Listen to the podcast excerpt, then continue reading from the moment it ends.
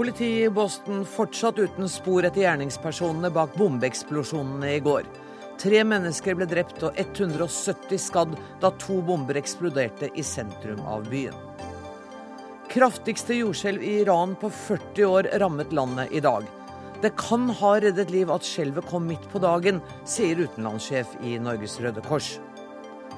Seksualundervisning i barnehagen skal bidra til å hindre overgrep mot barn. Feil målgruppe. Tiltak må settes inn mot de voksne, mener kritiker. Og Høyre driver et dobbeltspill om sykelønna, mener Magnus Marsdal. Vi vil bare at det skal lønne seg å jobbe, svarer Høyres Torbjørn Røe Isaksen.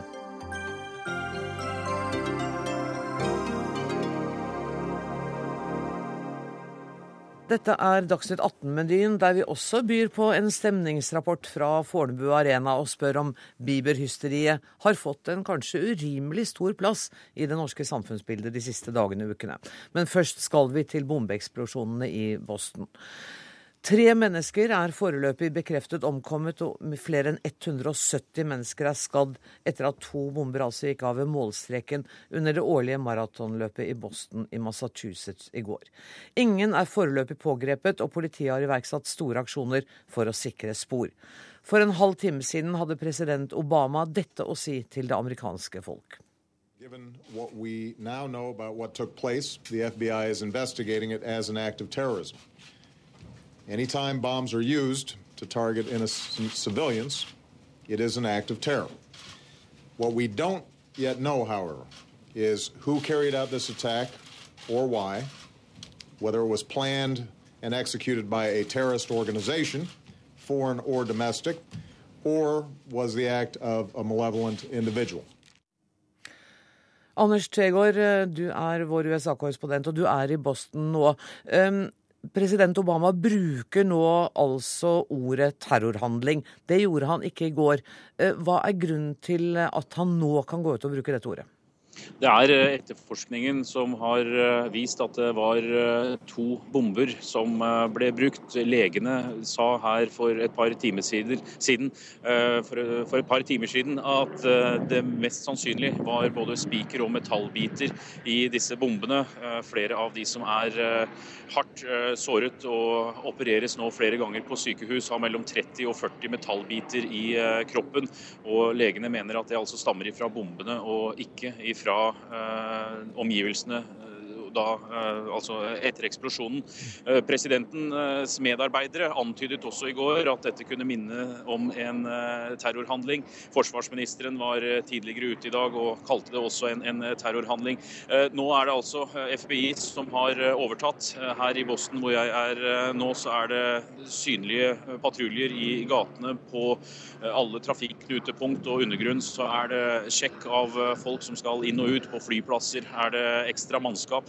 Eh, nå sier samtidig FBI at de ikke har noen grunn til å eh, tro at det er flere nærstående eh, aksjoner. De har ingen trusler eller, eller meldinger om at det skal komme flere eksplosjoner. Men det er en pågående etterforskning, og de har altså ingen mistenkte, og har da heller ikke pågrepet.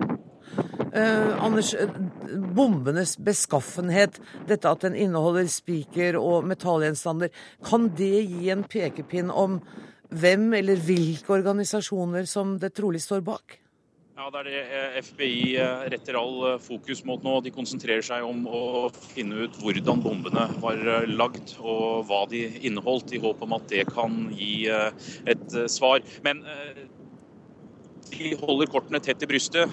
De vil ikke spekulere i om dette er en ensom ulv her i USA som har gjennomført angrepet, eller om det er en utenlandsk terrororganisasjon. Det er for tidlig å si. Politiet har også bedt om å få bilder fra folk som var i eh, målområdet. Der var det bl.a. også eh, familier fra skolemassakren i eh, Newtown på ærestribunen. Det var flere tusen kameraer og, og, og, bilder som ble tatt. Politiet vil gå igjennom disse, i tillegg til overvåkningskameraene. Dette her ligger an til å bli en lang etterforskning. Ingen har heller tatt på seg skylda ennå for, for angrepet. Jeg ser på sosiale medier at det spekuleres eh, ganske heftig i hva som kunne være grunnen til at noen går til eh, det skritt å utføre en terrorhandling mot dette maratonløpet. Men politiet går foreløpig ikke inn på noen av de spekulasjonene, gjør det vel det? Nei, og de vil ikke, vil ikke, kommentere noe rundt det i, i, det hele tatt. Det de har avvist, er at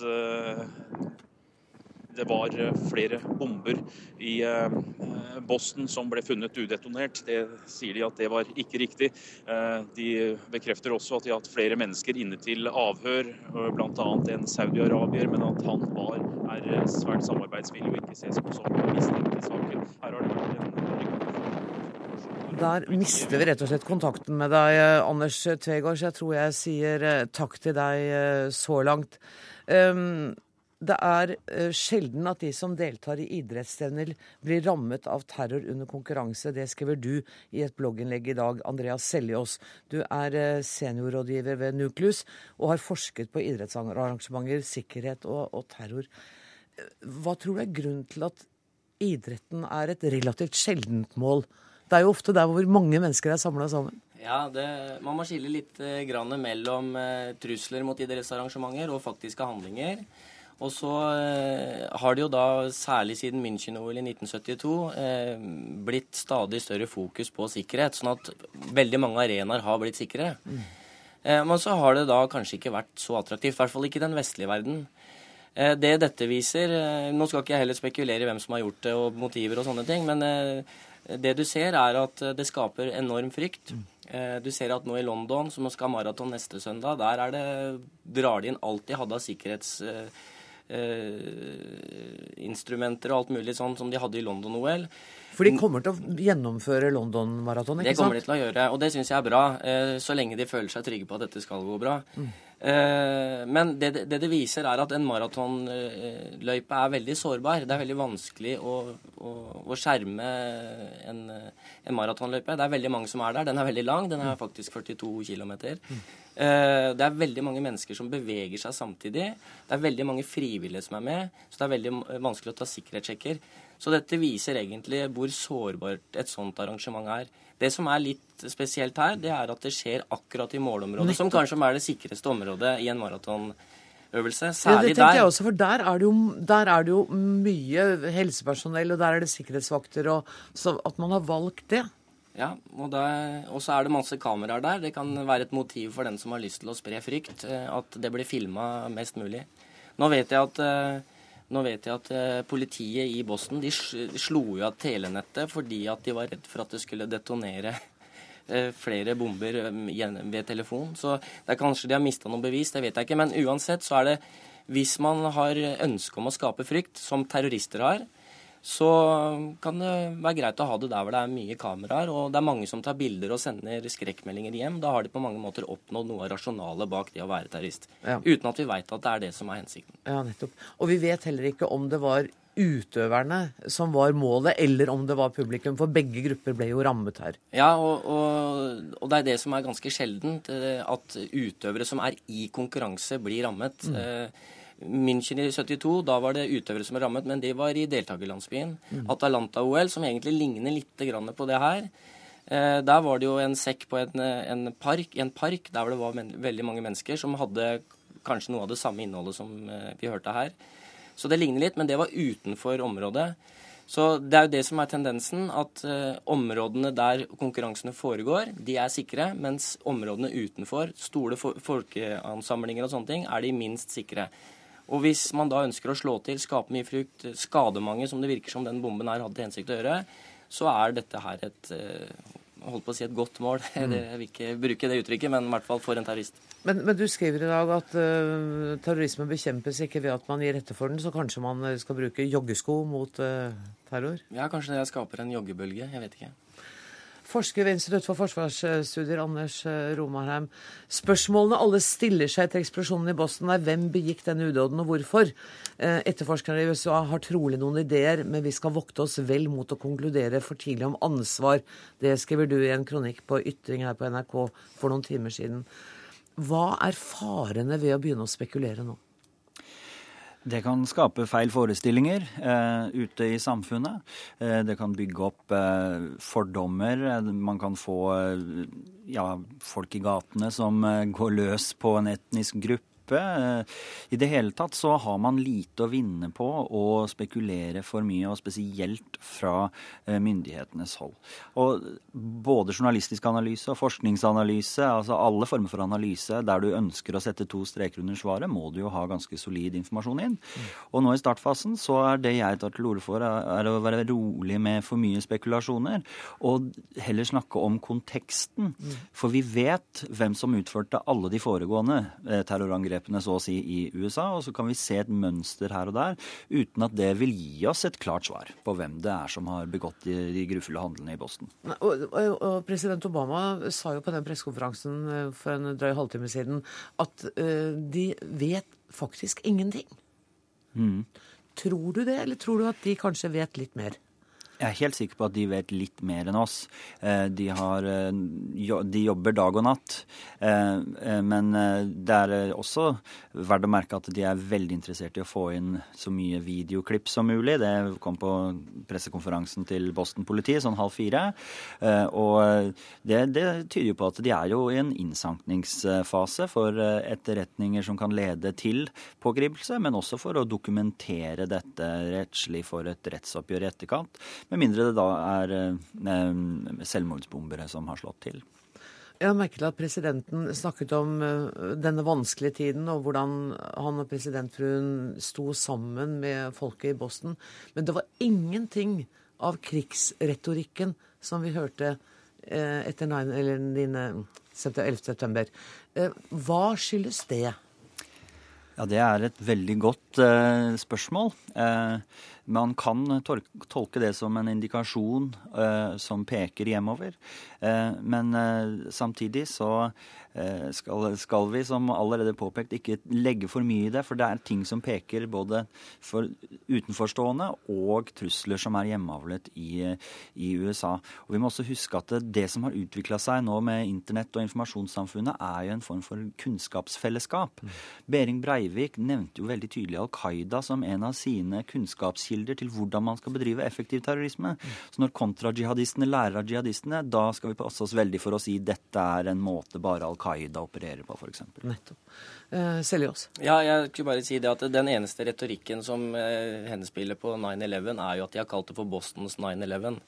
Altså Det er det som er det nye nå, så eh, ja. Så det er jo en eh, Det er jo ikke noe krigsretorikk, men det er i hvert fall veldig tydelig at dette her setter sterke spor. Ja, nettopp. Men, men, for det jeg var litt ute etter her, det var jo liksom om presidentens utrolige uh, pågående retorikk uh, den gangen, og det litt sånn mer milde og sorgtunge nå.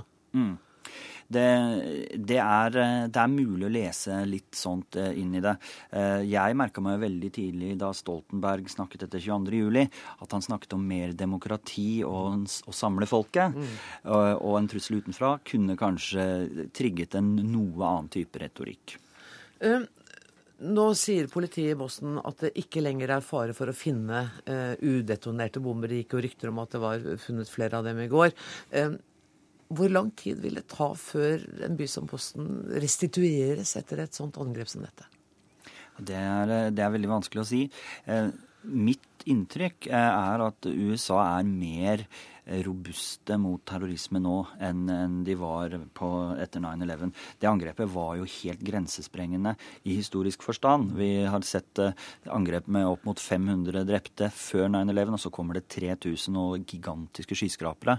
Eh, så den, den sjokkeffekten får det nok ikke. Men eh, det blir allikevel et traume som kommer opp igjen, og, og vil uten tvil prege byen og også det amerikanske folk, at de igjen har blitt utsatt for for et såpass eh, kraftfullt eh, terrorangrep. Ja, jeg tror jo at uh, normaliteten ser du når resten av idrettsarrangementene som var planlagt denne uka her, blir spilt igjen, for å si det sånn. Og Red Sox skulle spille om det var i kveld eller i hvert fall denne uka her, og veldig mange idrettsarrangementer er utsatt, så tror jeg at normaliteten igjen og at idrettsbanen faktisk blir viktig i den sammenhengen her. Kanskje enda viktigere enn eh, etter 9-11 i 2001, da baseball f.eks. spilte en veldig veldig sentral rolle i, i forsoningsarbeidet med seg sjøl. Så tror jeg faktisk at når idretten kommer i gang igjen i USA nå, så tror jeg faktisk det er, den, det er et signal om at nå er man på rett vei. Litt optimisme der på slutten av dette innslaget. Tusen takk for at dere kom, Andreas Seljås og Anders Romar her. Hør Dagsnytt 18 når du vil, nettradio eller som podkast. nrk.no – dagsnytt 18.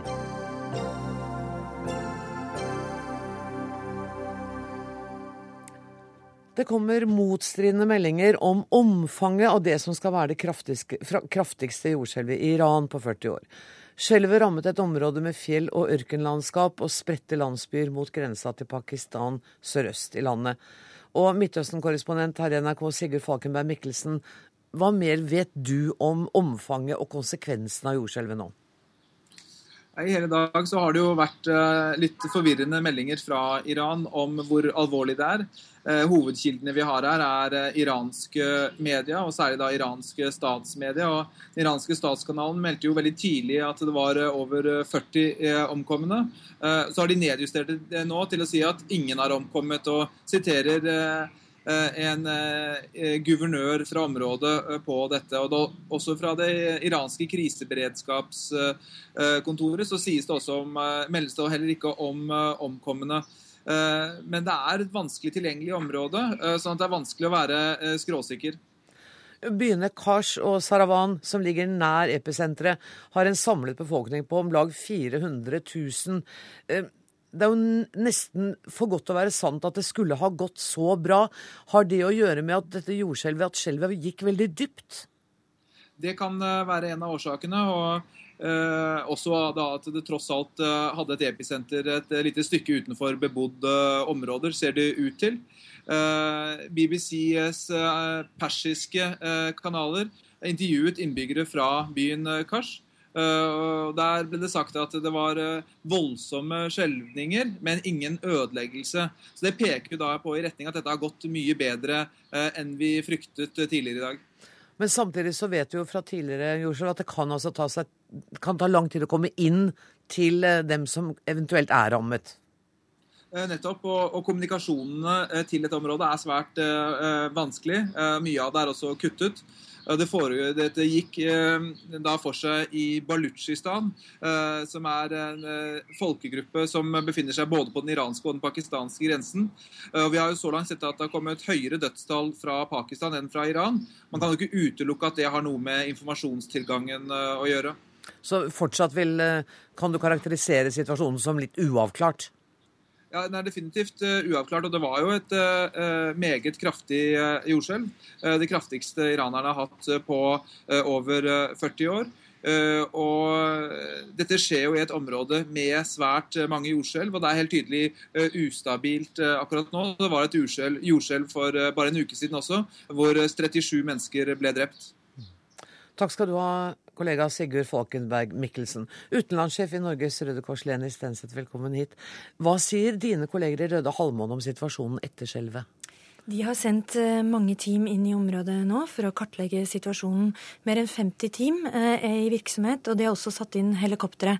Eh, og vi er i tett kontakt med Røde Halvmåne for å få oversikt over situasjonen. Men så langt så bekrefter de det vi også hører andre steder, at skadene er begrensa. Samtidig så vet vi at dette er et ganske ufremkommelig område. Det kan være landsbyer som ligger isolert, og det vil ta tid før vi får den fulle oversikten. Så du bekrefter det som Folkeberg Mikkelsen sier om at det er en uavklart situasjon fortsatt? Det er det. Eh, det som er bra i den situasjonen her, er at eh, Iran, Røde halvmåne, er veldig godt forberedt på slike situasjoner. De har et mandat i Iran for å respondere. De har redningshunder. De har sendt allerede mye nødhjelp til området, sånn at de er klare til å respondere dersom behovene skulle være der. Er Røde halvmåne der spesielt kompetente når det gjelder jordskjelv? Det er de. Eh, og befolkninga i Iran er også godt informert om både faren for jordskjelv og hvordan de skal oppføre seg når skjelvene kommer. Og ikke minst kan det være noe viktig, fordi det er jo alltid en fare for etterskjelv. Mm. Så selv om vi nå ikke ser det fulle bildet ennå, eh, så er kapasiteten på iransk side til stede for å kunne respondere. Og etterskjelvene kan jo være kraftige og kanskje komme høyere opp i jordskorpa enn dette første skjelvet. Så absolutt. Så de kan gi skader, ikke sant? Det kan de. Og det som er veldig viktig i jordskjelv, er å komme raskt eh, på plass med eh, hjelp til de skadde, og så starte arbeidet med søk og redning.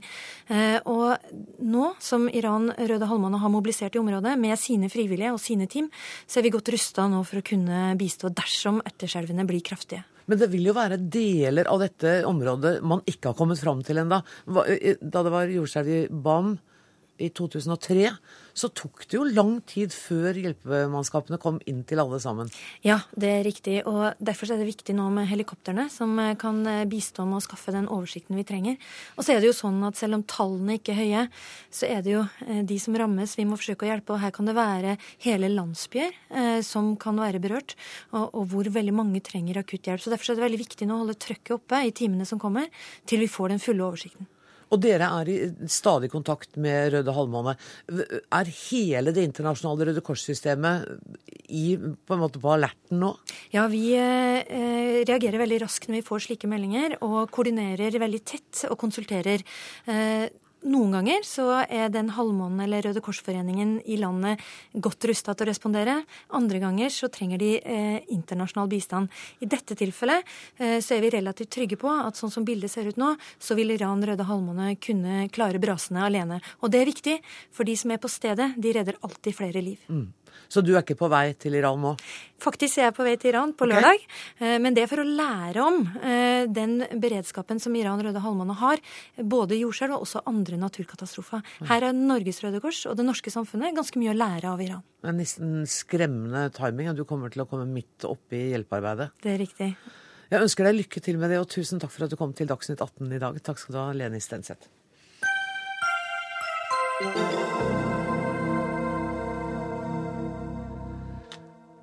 I en barnehage på Sortland lærer barn helt ned i treårsalderen detaljert om sex og samliv, som en del av et arbeid for å forebygge seksuelle overgrep.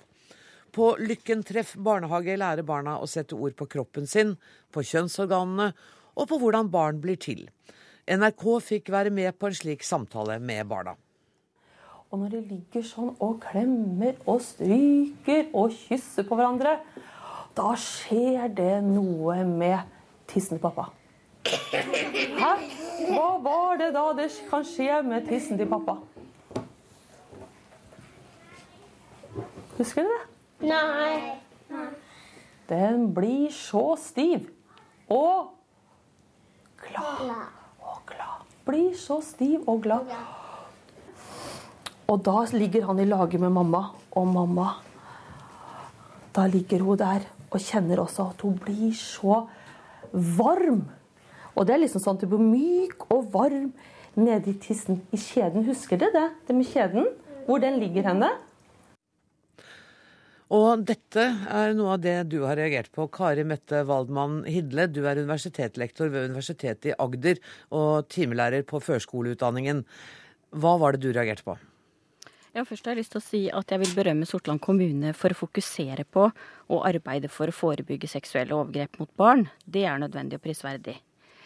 Men jeg mener at seksuelle overgrep er alltid den voksnes skyld. Voksne har ansvar for å forebygge, hindre og avdekke overgrep mot barn. Det jeg reagerer på, er at Sortland kommune vil lære barna å forebygge overgrep. Det er litt som å lære kvinner å kle seg sømmelig for å unngå voldtekt. Mm. Selv om det er mye bra med å kle seg sømmelig, så er det å ansvarliggjøre offeret. Det er opplæring av voksne som bør prioriteres, mener jeg. Jeg syns at det er de voksne som skal ansvarliggjøres, og ikke barna. Du har også sagt at du reagerer på at opplegget ikke tar hensyn til verken barnas eller foreldrenes bluferdighet. Ja, jeg har forsøkt i en kronikk på NRK Ytring å sette dette opplegget sånn som det er eh, vist i NRKs reportasje, i eh, kontekst av rammeplanen, altså det mandatet barnehagen har. Og barnehagen skal jobbe i nært samarbeid med foreldrene. De skal støtte barna, og det skal være trygt for barna der. Og alt som skjer i barnehagen skal være innenfor det mandatet og være tilpasset det enkelte barn. Uh, og jeg syns at uh, dette opplegget, det uh, virker veldig intimiderende. jeg syns det virker som at barna blir ukomfortable. Og jeg syns det er grunn til å spørre om at utgangspunktet, det å ta utgangspunktet veldig intimt i din mamma og pappa når de ligger i senga, altså barnas biologiske foreldre, som de ikke nødvendigvis bor sammen med, og deres intimitet. Er det nødvendig og hensiktsmessig for å nå målet her, altså å forebygge seksuelle overgrep? Jeg lar spørsmålet gå videre til Margrethe Wide Aasland, som er spesialist i sexologi og, og har vært veileder for dette prosjektet på Sortland. Er det nødvendig å gjøre det på denne måten, å snakke om din mamma og pappa? For det første så er, det, er jeg glad det ikke var meg som var på TV den dagen. Denne førskolelæreren med et kamera og disse barna. Eh, det Én ting er at dette, dere introduserte det med at det var treåring. Det er femåringer det er snakk om her. Okay. At man forteller at, eh, at, pappa har glad og stiv tiss, og mamma har myk og fuktig skjede, og at man har tre hull. Dette er jo det som har kommet fram. Og Barn kan godt lære hvordan barn blir til. Det lærte vi jo veldig ofte på 80-tallet. Så var det ganske vanlig at man fortalte hvordan barn blir til. Og, at man skal, og det er vel kanskje litt overdrevet å, å tenke seg at denne kritikken som har kommet, at man skal tenke, se for seg mor og far. Det er jo litt overdrevet og heller ikke medfører riktighet. Men dere gjør jo dette med den hensikt å forebygge overgrep ja. mot barn. Og da er, det hun spør om, er jo er, Gjør dere på en måte offeret til ansvarlig for å forhindre det? Nei. Altså Nå jobber jeg også med overgripere på Institutt for klinisk sexologi og terapi, og jobber med 16 omtrent overgripere i uka. Og har jobbet med denne problematikken helt siden i over 30 år, faktisk. Og det, det, som er viktig, er at barn skal lære seg å få et godt og trygt forhold til kroppen sin. Og at folk som jobber med barn, også skal ha et godt og trygt forhold til seg selv og sin egen kropp og sin egen seksualitet. Og det vi vet er at Barn må også lære om egen kropp og få en godt forhold til egen kropp og, og, og seksualitet. At de skal få lov til å ta på tissen sin, men ingen voksne har lov til å, å si at du skal ta på tissen dems. Og Barn må lære seg å si stopp. Og hvis de også når de blir dyttet og lugget og klort. Og så, Hvis noen ikke respekterer de, så må barna lære seg å si fra. Så vi må kartlegge også barnas sosiale nettverk og fortelle barn hvem de skal fortelle vonde hemmeligheter til. Kari Mette Valmann Hilde, Er ikke dette en fornuftig grunn til å drive med denne type informasjon i barnehagen? Jeg, at, eh, jeg er enig med Aasland i at kunnskap om egen kropp er bra. Og det at barna lærer grensesetting eh, og får kunnskap om kroppen, det, det tror jeg er helt fint. Eh, men det er forskjell på å gi eh, undervisning om voksnes seksualitet og gi barn kunnskap om egen kropp. Eh, jeg syns det er viktig at barn og unge opplever at de voksne tar overgrep på alvorlig, og det forstår jeg at de forsøker å gjøre i Sortland kommune. Og at de forsøker å avdekke og beskytte barns grenser. Men dersom kommunen skal ha troverdighet i at den forebygger seksuelle overgrep i barnehagen, da er det ikke nok eh, at disse tiltakene kan ha betydning. Eh, da må vi vite noe om årsakssammenhengene. Hvorfor hjelper dette? Mm. Og jeg syns det er naivt å tro at eh, tre- til femåringers kompetanse skal beskytte dem mot seksuelle overgrep. Nå er det femåringer vi snakker om. Ja, okay, men, men, men, likevel femåringer. Mm. Små barn er maktesløse i møte ja. med voksnes overgrep. De, er, mm. de, voksne er helt overlegne. Mm. Og derfor er det viktig å lære de voksne å respektere barnas grenser, mener jeg. Voksne skal ikke bruke barn til å tilfredsstille egne behov. Det er et voksent ansvar. Mm. Og derfor er det veldig viktig å satse på den siden, eh, og ikke ha en overdreven tro på at barna skal kunne sette disse grensene. Da sier jeg ja takk, begge deler. Ja. For er, jeg, Vi snakker ikke om at barn skal lære seg å sette grenser, men barna skal lære seg å si fra. De, de må få lov til å sette grenser, for at vi falt i en, en, en sånn fallgrube egentlig sånn på 80-tallet. Etter eh, overgrepsdiskursen så, så, ble det sånn at barn ikke skulle lære seg å si nei, for at de kunne si, ta livet sitt hvis de opplevde at de ikke de ble respektert.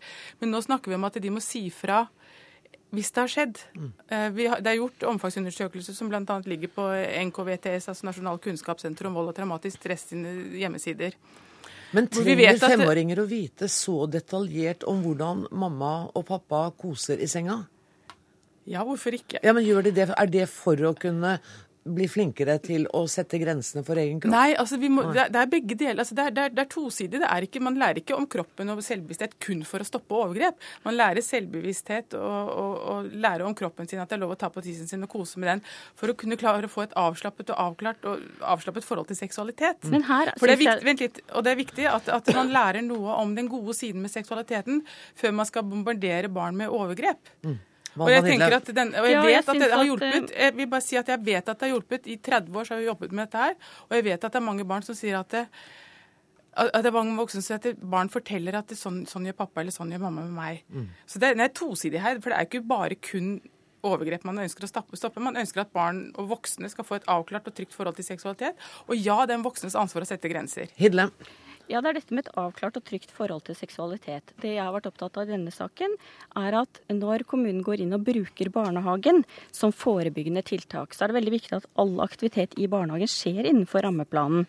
Og da eh, må man også ta hensyn til barnets bluferdighet og de familiene som er i barnehagen. Og det er forskjellige familier som tenker forskjellig om dette. Og da er det ikke eh, sexologens eh, definisjon av hva som er en sunn og god seksualitet eller en sunn bluferdighet som gjelder, men da er det familiens fortolkning av dette. Eh, og, og, det er det jeg har forsøkt å sette ord på. at man lage, Hvis man skal bruke barnehagen og lage tiltak for små barn, så må man være mer finmasket i tilnærmingene. Og da må man kanskje også sortere mellom hva som er sexologens ønske om å, å bygge opp og utvikle sunn, naturlig seksualitet, og hva som er forebyggende tiltak mot seksuelle overgrep, som jeg skjønner at er det man har fått ekstraordinære midler til å drive med. Ja, ja Altså, jeg sier ja takk, begge men, jo, men er, er det, Har dere vært i nær nok kontakt med foreldre? Ja, ja, altså, jeg snakket akkurat med, med de i Sortland kommune i stad. De, de, er ikke bare det at de er fornøyd, men de er veldig fornøyd. De kommer med veldig positive tilbakemeldinger. Og selvfølgelig har det dette, dette vært gjennomarbeidet, og det er jo pedagoger som utarbeider dette her.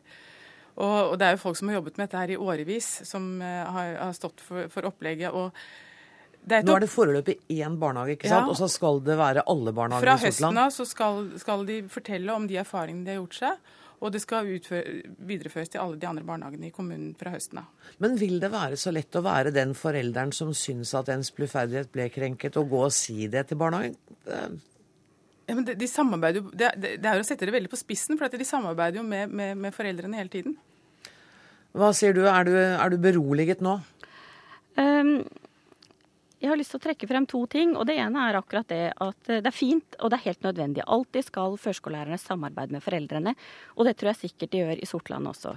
Og så må man være oppmerksom på at utformingen av opplegget må være sånn at det legger til rette for åpenhet og tillit. Og hvis en pakker på en måte hele det ambisjonen en har på seksualundervisningen inn i forebyggende overgrep, så vil jeg gå ut fra at det er ganske vanskelig for foreldrene å komme med en tilbakemelding til det, dersom de opplever at dette på forskjellige måter utfordrer dem. Men det, det sier du nå at det ikke er, at foreldrene samarbeider godt ja, med barnehagene på dette. Ja, ja. Så vi, vi, får kanskje diskutere dette igjen når flere barnehager har innført dette prosjektet. Jeg må si takk til Margrethe Wide Aasland, spesialist i sexologisk rådgivning, og takk til Kari Mette Wallmann Hidle, universitetslektor ved Universitetet i Agder.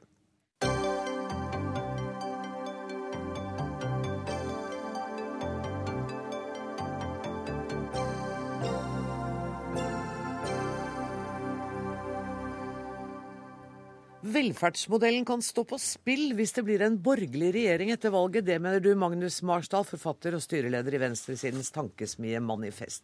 Du har skrevet en kronikk i Dagbladet om Høyres dobbeltspill med sykelønna og velferdsordningene våre. Forklar oss, hva er det Høyre er i ferd med å gjøre?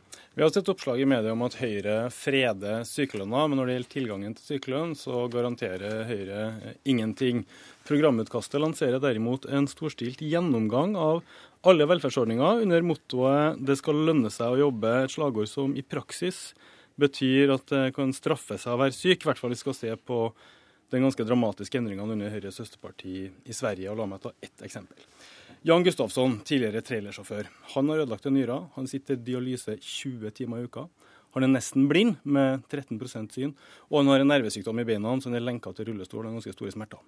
Selv han får ikke sykelønn. Legene sier han kan ikke jobbe.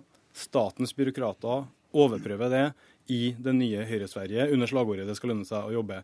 Og når da Høyre foreslår mer statlig overprøving av fastlegen din her i Norge, og flere tiltak i svensk retning, så er det i hvert fall misvisende å si at Høyre har freda sykelønna.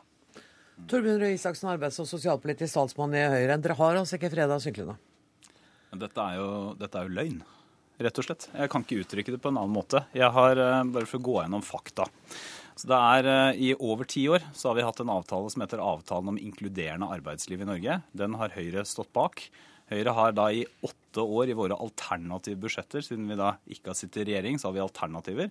Så har vi hatt full lønn under sykdom. Det kommer også til å være politikken vår de neste fire årene. Det har jeg sagt, det har Erna Solberg sagt. Det ville Marsdal veldig lett funnet ut hvis han så på våre hjemmesider. Og jeg så nå til og med i Aftenposten på søndag at LOs nestleder, Solbakken, har oppfattet dette her og sier at Høyre ikke går inn for å kutte sykelønna. Men så har da Magnus Marsdal, eh, om han ikke har skrevet en bok sjøl, så har han i hvert fall skrevet, fått noen andre til å skrive en bok hvor det står noe annet. Men det er ikke sant. Og det blir ikke mer sant av at Marsdal og gjengen hans i den venstreradikale tankesmia Manifest stadig drar på svenskeshopping etter eksempler. Sånn skal vi ikke ha det i Norge. Det er ikke Høyres politikk, og det kommer ikke til å endre seg bare for at Magnus Marsdal påstår noe annet. Han snakker seg bort fra realiteten, for han peker på sykelønnsnivået. Det er helt riktig, det. 100 lønn under sykdom, det har Høyre garantert. Det jeg snakker om, er ikke det. Jeg snakker om tilgangen til ytelsen. Hvis du mister retten til sykelønn pga. nye regler, Nei, nei, nei, så er det akademisk interessant og knapt nok det om den sykelønna du ikke får, Ja, er på 100% Og ta Høyres program. men kan, jeg, kan jeg bare skyte inn men ja, men men at det også, Ja, men er feil, skjønner du. At det blir For at- 100% Nei, men hør nå, sykelønn. Vi har sagt 100% sykelønn. Nå skal vi ta det neste punktet, som du da enten misforstår med vilje, eller så kan du ikke bedre. Og jeg, Du er jo en ganske oppegående fyr, så jeg vet jo at du har lest dette her, så da må det være at du misforstår med vilje. Høyre sier da 100% sykelønn i tolv måneder, akkurat som i dag. Og så er det ett forslag som jeg tror du forsøker å beskrive nå, hvor vi sier at etter seks måneder så skal noen andre enn fastlegen din, altså en annen fastlege, skal også inn for å forlenge sykemeldingen din. Hvorfor det? Opp til, jo, Det er rett og slett fordi at etter seks måneders sykefravær så mener vi at det trengs det som ofte kalles for en second opinion. Hvorfor det? Jo, rett og slett for at du skal få bedre kontroll i systemet, og for at flere kan komme raskere tilbake i jobb hvis det er mulig. Ja, for dere Men stoler ikke på altså- fastlegen, den første nå, men det betyr, altså, det betyr altså at dagens regler er på 100% sykelønn, 12 måneder, akkurat de samme som i dag. Og det er heller ikke sånn at vi skal ha en statlig lege som sitter og overprøver sykefraværet på noe som helst måte.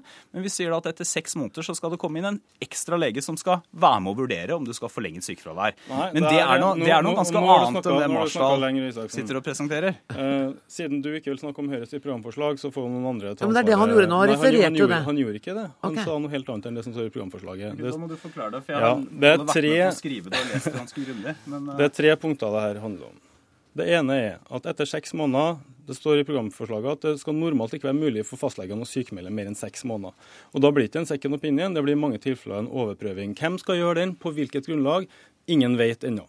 Det andre punktet er normerte fraværslengder. Hvis du har ødelagt skulder, så skal det være en statlig norm som angir den lengden, uavhengig om du er direktør eller eh, renholder.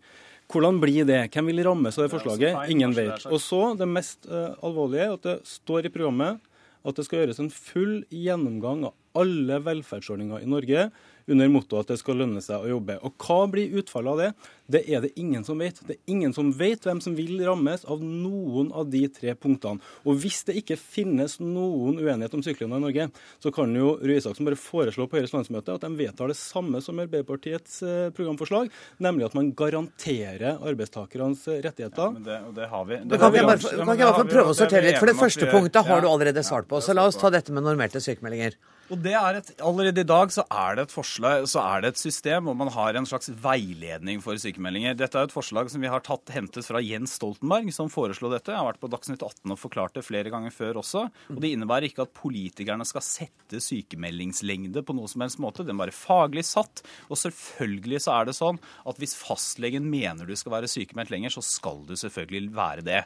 Men poenget er, og bare for å ta det siste, det siste poenget også, så er det, så er det eh, Eller hovedpoenget her eh, er jo, er jo at Marsdal nå har han plutselig bestemt seg for at Høyre allikevel garanterer sykelønna. For to Nei, uker siden prøvde han jo, for to uker siden prøvde han ja, å så tvil også om det. Poenget er at det Magnus. Marsdal representerer et venstreradikalt sosialistisk miljø som driver en svertekampanje mot Høyre.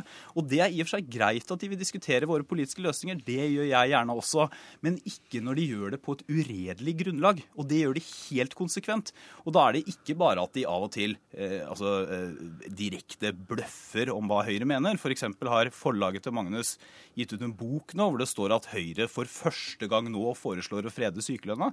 Dette har vi gjort i ti år. Dette er jo ikke noe nytt med i det hele tatt.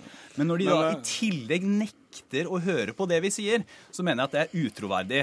Og Derfor har jeg skrevet en svar, svar, er- svarkronikk, hvor jeg skriver at den, det vi også burde diskutere, når jeg da har ryddet til side alle de misforståelsene, det er hva slags alternativ Marsdal og den, og den radikale venstresida representerer. For det er jo virkelig et frontalangrep på Norge og den norske modellen. Når man har en dårlig sak, så hever man stemmen i Høyre.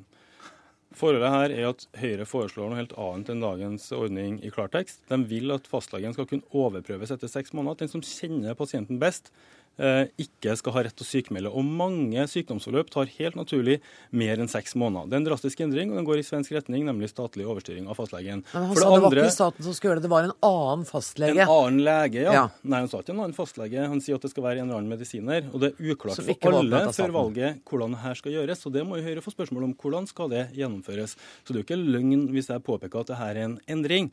Og så har de også et punkt om å gjennomgå alle velferdsordninger med sikte på at det skal lønne seg å jobbe. Og det er et slagord som impliserer at mange kan være på langvarige ytelser fordi det lønner seg. Og ingen vet før valget hva som er resultatet av denne gjennomgangen. Og det står heller ingenting i Høyres program om at man garanterer tilgang til sykelønnsordninga på samme måte at man har tilgang til sykelønnsordninga i dag. Og man vil ikke engang skrive inn det som jeg foreslår, at Høyre garanterer for arbeidstakernes rettigheter i sykelønnsordninga. Nei, men det, det gjør vi.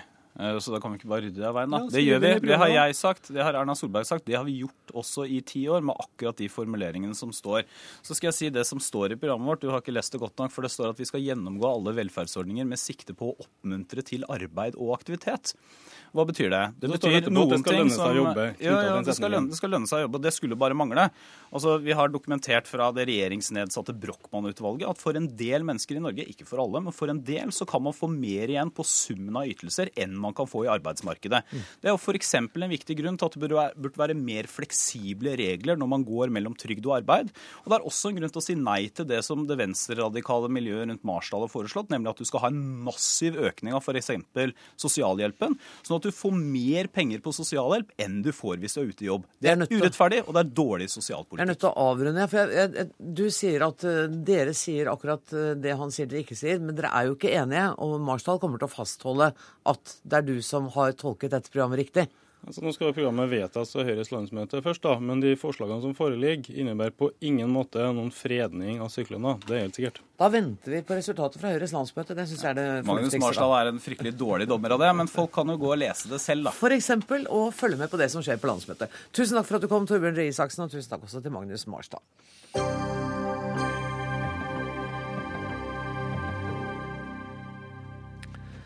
På skolekjøkkenet lærer elevene å lage mat med en kokebok sponset av kjøttbransjens eget opplysningskontor. Annet lærer de å lage grønnsakssuppe med kjøtt. Boka motarbeider myndighetenes kostholdsråd, mener Aftenpostens matspaltist Yngve Ekern, som også har gitt ut boka 'Kjøttfrie dager'. På hvilken måte motarbeider denne boka eh, kostholdsrådene? Det er flere ting som er problematisk med denne boka, og noen ting som er direkte uholdbare. Og et av dem er at de rådene som kommer om kosthold her, er i direkte motsetning til det som Helsedirektoratet mener vi bør spise. For eksempel? Eh, hvis vi tar f.eks. grønnsaker, så er det et kapittel om grønnsaker. Der presenteres elevene for fire oppskrifter. Tre av dem inneholder svin eller kylling, og den fjerde er en dessert. Det er ikke i tråd med det som er offentlige råd til hva vi bør ha i oss for, å beholde helsa.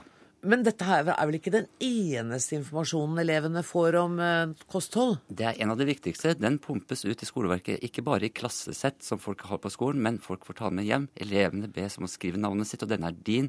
Denne skal du ha med deg gjennom livet. Her er boka di. Den heter jo også det. Kokeboka mi. Men, men, den, men, samtidig så er den jo innafor reglene i den forstand at når det gjelder uh, kommersiell påvirkning av elevene, så er det jo produktpåvirkningen som skolene skal være skeptiske til. Og så vidt jeg vet, så er det jo ikke noe reklame for enkeltprodukter i denne boka? Eh, det er det ikke. Det er mulig at det er lovlig, men det er helt sikkert ikke klokt. Og de produktene som reklameres for, er svin og kylling.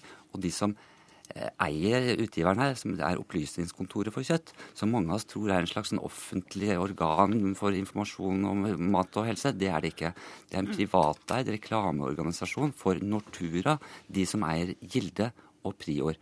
Og når de da skriver å, så har vi kyllingkjøtt her, og så har vi svinekjøtt der, så er de også markedsledende, så de trenger ikke trenger ikke skrive Gilde og Prior. Nei, nettopp. Kunnskapsminister Kristin Halvorsen, eh, du nikka til det siste her. Er du også litt bekymra over dette? Jeg syns det er veldig sunt med en diskusjon rundt denne boka. fordi jeg tror at noen tror at vi sitter og godkjenner lærebøker.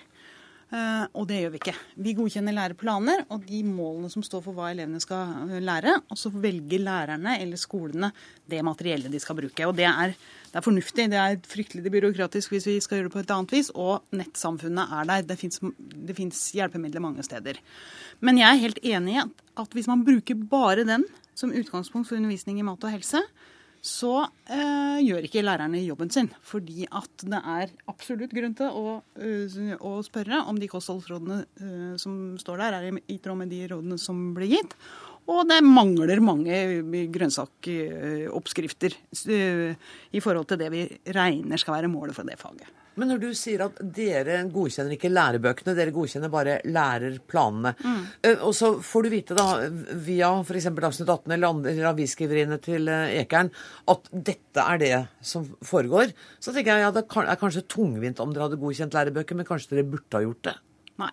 Det er, det er, ja, vi overskuer ikke hva slags byråkrati vi måtte bygge opp for å få til det. Husk på Men for nå, ungene får det konsekvenser hvis det er den eneste boka de har i matlære? Men nå kan jo lærere og barn plukke læremidler fra veldig mange forskjellige eh, kilder. Og veldig mange kan jo forholde seg til ulike nettsteder, f.eks. Og her, her finnes jo et nettsted òg. Eh, matprat.no er, er, jo nettstedet her. Ja. Så vi er helt avhengig av at folk bruker huet, at de leser læreplanen, hva er det vi skal oppnå. Og jeg tror jo at dette nå er en kjempegodt utgangspunkt for å diskutere dette med barn og unge i skolen. For det nettopp kan være med å bevisstgjøre. Og så må lærerne bruke andre kilder også for å oppfylle det som er, lære, er læreplanen og kompetansemålene i dette faget. Er du beroliget, Ekern? Eh, et utgangspunkt for debatt er veldig bra, for dette er påstander som er helt uhyrlige, som, uhyrlige, som mm. uh, kan være interessant å diskutere i skolen. Og det gjelder ikke bare helse. Det gjelder også miljø. Hva slags eh, påvirkning et høyt kjøttforbruk har på miljøet. Veldig interessant, og det kommer vi til å snakke mye om framover. Og det dreier seg om dyrevelferd. Og I denne boka her for eksempel, så fremstilles det som om norske kyllinger og kalkuner flakser fritt rundt i flotte hus og flyr og har det bra. Og det er jo ikke bare misvisende, det er det vi kaller uh, løgn i dagligtale. Men bør den boka ikke tillates da i norsk skole, eller hvordan Den burde aldri vært sluppet inn gjennom døra i en skole i det hele tatt, spør du meg. Men nå sier jo statsråden at de overvåker ikke den enkelte boka, de overvåker læreplanene. Men jeg er sikker på at hvis Human-Etisk Forbund alene eller Islamsk råd hadde fått være dominerende i religionsundervisninga i skolen, sånn som Opplysningskontoret for kjøtt, skråstrek matprat.no, er, ville det blitt et ramaskrekk. Jo, men det er jo ikke aktuelt at dette skal være den eneste og dominerende. Og jeg, men jeg, jeg, tror at Ekern kan ha et veldig godt poeng i at en del har tenkt dette er en bok, den ser eh, bra ut, det er morsomme oppgaver innimellom og sånn, vi tar den. Og så, så, hva skal jeg si, så sniker det seg inn en masse annet ja. som, som, ikke er i tråd. Eh, altså, eller som ikke gir det hele og fulle bildet av hva elevene skal lære. Men, jo, jo, men bare én ting til. og det er at jeg tror det er, Både er det viktig å problematisere en del ting eh, som står her, men det er også viktig at vi får opp kompetansen i forhold til det som skal være eh, innholdet i faget mat og helse og eh, ellers oppmerksomhet rundt hva unge putter i seg. Og Derfor skal vi lage uh, et senter. Helsedepartementet og Kunnskapsdepartementet samarbeider om at vi skal opprette et nasjonalt kompetansesenter om mat og helse. Sånn at vi får opp bevisstheten rundt dette, får opp eh, kunnskapene rundt dette, kan kurse lærere, øh, invitere inn unger og får en helt annen oppmerksomhet rundt dette enn det vi har hatt. Og så blir det slutt på at Opplysningskontoret sponser skoleklassen med 50 kroner per elev. Ja, De kan ikke være enerådende i dette, og de kan ikke bestemme hva man kjøper for de 50 kronene. Nei, for det skulle gå til kjøtt, og det blir det slutt på. Ja, for det er jo ikke bare sånn at de gir ut den boka og gir den til elevene gratis. De legger en femtelapp inni boka. Men Kristin, vi er opptatt av at barn skal lære seg matkultur. Mm. Og det innebærer også å lære seg hvor maten kommer fra. Mm. Men i det undervisningsopplegget her så står det ingenting om mat, hvor maten kommer fra. Fordi at Opplysningskontoret for kjøtt ikke forholder seg til dyr før de er døde. Altså kun døde dyr er bra dyr mm. i dette undervisningsopplegget. Mm. Det er jo ikke bra. Vi vil jo gjerne vite litt om hvordan maten vår blir til, for å kunne ha respekt for matlaging og spise i tråd med helseråd og, og mm. miljøkrav og det hele. Ja, og det, Da er vi jo over i skjæringspunktet andre fag i skolen også, ja. som er veldig avgjørende. Det er klart Hvis alle mennesker på jorda spiste grønnsaker, så hadde det ikke vært uh, sult eller matmangel overhodet. Og hadde vi erstatta noe av det kjøttet som uh, vi spiser, så hadde vi hatt, et, uh, så hadde vi hatt en, noen helt andre problemstillinger. Sånn at alt dette er det utrolig viktig å ha. De som, men de, og de som bruker denne boka, de må vite at det gir ikke det hele og fulle svaret på hva man skal lære i faget mat og helse. Kanskje vi har drevet ørlite grann opplysningsvirksomhet i Dagsnytt 18. I så fall er jeg veldig fornøyd. Tusen takk for at dere kom, Yngve Ekern og Kristin Halvorsen.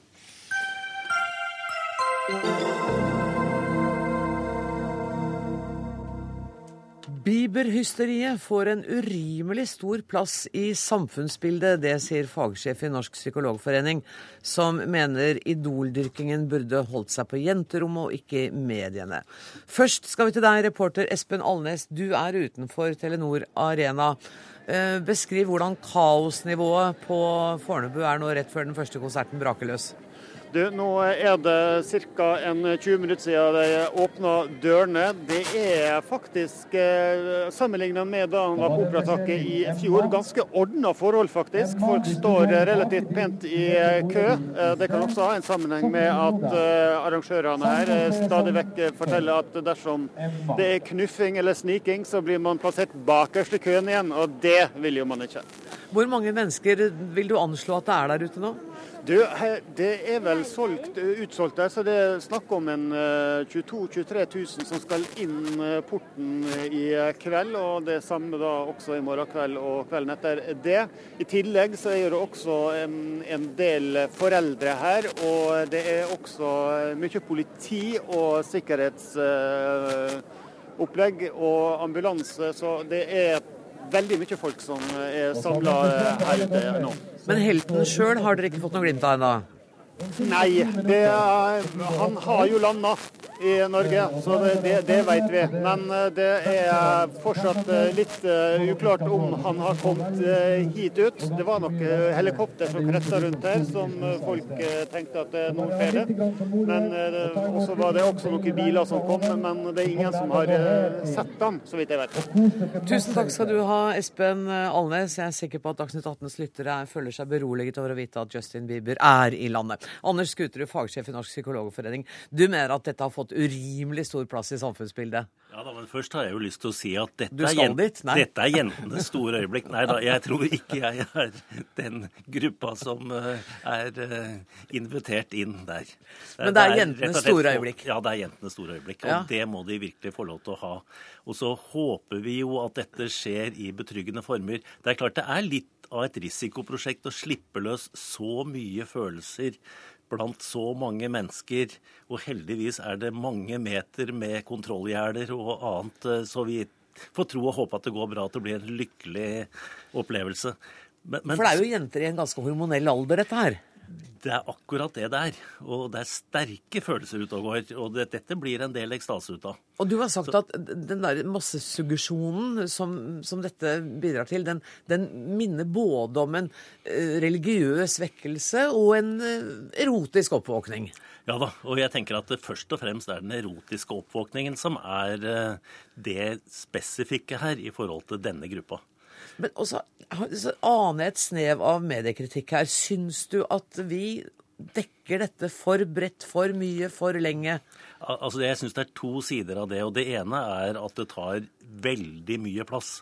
Og det er kanskje heller ikke helt nytt, men, men, i forhold til eh, hva slags betydning det har. Og det er vel der vi kunne si ja, det er veldig greit at dette slår på jenterommet, men, men, eh, det får veldig mye plass. Den andre siden av det, og, og det er nok også litt min bekymring, det er at eh, for at det skal få så mye plass, så må det fortelles veldig mange historier. Mm. Og da fortelles det historier om hvor mye penger som brukes, hvor mange billetter og klær og alt sånt. Og det gir også noen føringer for disse jentene oh ja, som skal være med. Jo, altså du, du, blir jo fortalt hvorledes du skal være en ordentlig belieber. Mm. Hvis vi skal gå langt tilbake sånn til begynnelsen av min tid, så tror jeg det ble rockeopptøyer i Oslo i 56 fordi media beskrev hvorledes en skulle oppføre seg den gang. Mm. Ikke fordi det var så veldig mange som var klar til å gjøre opptøyer den gangen. Så det er noe med at medie, media også lager fortellinger som virker på jentene. Så vi Og- og er det- aktører, vi journalister Ja. er aktører Ja. i å få dette til å bli så svært. Ja, så, så det er aktører på to måter. og det, og det ene er jo at dere skaper normer for jentene. Og så må dere jo være virkelig en gefundenes fresten for de som tjener penger på dette. Kulturredaktør i Dagbladet, Geir Ramnefjell. Det er vel et dilemma, dette her? Uh, ja, altså vi for vår del så, eh, så eh, skjønner vi at noen kan mene at det tar eh, for mye plass. Altså det er jo elsk-hat-forholdet i eh, forhold til Justin Bieber er velkjent. Ikke bare blant eh, psykologer i eh, 50-årene, men men også blant unge mennesker. Det er jo en av de kjennetegnene ved Justin Bieber. Enten så har du et veldig positivt forhold til han, eller så har du et veldig negativt forhold til han. Det er noe som kommer fram av det de unge menneskene forteller. Men, men, men ser du at det kan være noe fare for overdekning? Ser du noe av den argumentasjonen? Er det, er det riktig noe av det?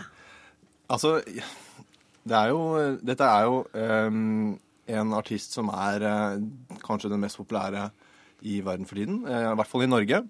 Og eh, når han kommer til landet og spiller eh, tre konserter på rad i Oslo, så blir det mye oppstuss. Og når denne personen også har en tilhengerskare som oppfører seg på en måte som vi ikke er så vant med å se, og som fascinerer og undrer oss på en måte, så er det klart at det bidrar til å eh, både eh, forsterke mediedekningen, men også forsterke folks eh, generelle interesse for han. Og, det- at vi og det- kanskje mediene bidrar til at den oppførselen til belieberne blir akkurat slik den er også? Ja, jeg tror han tar feil der. For det, det som var litt interessant, det var eh, den konserten som var på Operatak i fjor sommer. Da tror jeg um, samtlige medier ble tatt på senga og, av den reaksjonen og av den massemønstringen som, og den, det kaoset som oppsto. Eh, Så eh, jeg tror at sosiale medier og Twitter og de eh, kanalene som disse belieberne benytter seg av, er en mye sterkere virkemiddel og en mye viktigere forum for å utveksle både press om å kjøpe ditt og datt, og i det hele tatt det å, å interessere seg for mannen. Det, der tror jeg vi mediene kommer diltende langt etter. Der tror jeg mye du har rett, men jeg tror at mediene i hvert fall er med og legitimerer i forhold til foreldrene at det må brukes så mye. Sånn at en får en, eh, en tilpasning også til den gruppen. Men, men eh, jeg er nok enig i at noe veldig omfattende ansvar her, det, det tror jeg ikke mediene skal ha for eh, den eh, sterke utvikling av, av reaksjoner. Så, så Jeg- er, jeg- men, men om det fortjener elleve sider i Dagbladet, det syns jeg jo er et godt spørsmål. Vi har elleve sider med både det ene og det andre om Bieber, om analyser og Frode Grytten som skriver ironisk opp og i mente og sånn. Så vi har, et, vi har en bred bibeldekning for enhver en smak og enhver innfallsvinkler. Enten du er sur på Bieber eller veldig glad i Bieber. Eller kanskje litt likegyldig til Bieber, som jeg oppfatter, det er du er. Men, men, men, men det å unne disse unge menneskene, og særlig det er vel 90% jenter, er det ikke det, Ravnefeld? Som har ikke Det er godt mulig. mulig. Jeg skal ikke bestride det. Eh, Og, liksom, la dem få ha denne store opplevelsen i livet. Det, det kan ikke være noe gærent i det. Nei. Nei, nei, på ingen måte. Og, og jeg, jeg tror det er i og for seg livsbejaende. Men, men om det er nødvendig at de skal få hotellsenger på flere hoteller fordi en må ta og klare å spore ham opp uansett hvor han skulle ligge hen, og om de må ha billetter på første rad osv. Altså, det er jo en fare for at det blir en del veldig skuffa jenter her også. Og så tror Det ikke kan jeg ikke vi unngå. Og så tror ikke jeg det er verdens undergang. Nei, det vil ville jeg gjerne ha sagt. Skuffelse hører også til uh, dette livet vårt, da. Eh, og skuffelsen blir kanskje ikke noe større om eh, Dagbladet har elleve sider om det. Nei, det tror jeg tvert imot. Og jeg syns det var interessant å se når medier begynner å ringe psykologer for å forklare pop- og kulturfenomener. Sånn som jeg har gjort, mener du? Da er det alvor. Og det er alvor. Uh, kjære venner, altså konserten hans begynner om eh, er det en halvtime, en times tid, eller noe sånt? Ja, den åttetida. Ja, Ravnefjell, du skal vel heller ikke dit? Nei, dessverre. Jeg har ikke billett. Nei, ikke jeg heller. Eh, Vi må trøste oss med at det er bare 23 timer til neste Dagsnytt 18-sending. Tusen takk for at eh, dere kom, Anders Skuterud og Geir Ramnefjell. Dagens eh, Dagsnytt 18 den ble styrt av Siri Storsteinhytten. Det tekniske ansvaret har Karl Johan Rimstad. Jeg heter Anne Grosvold. Vi høres igjen til samme tid i morgen. Takk for nå.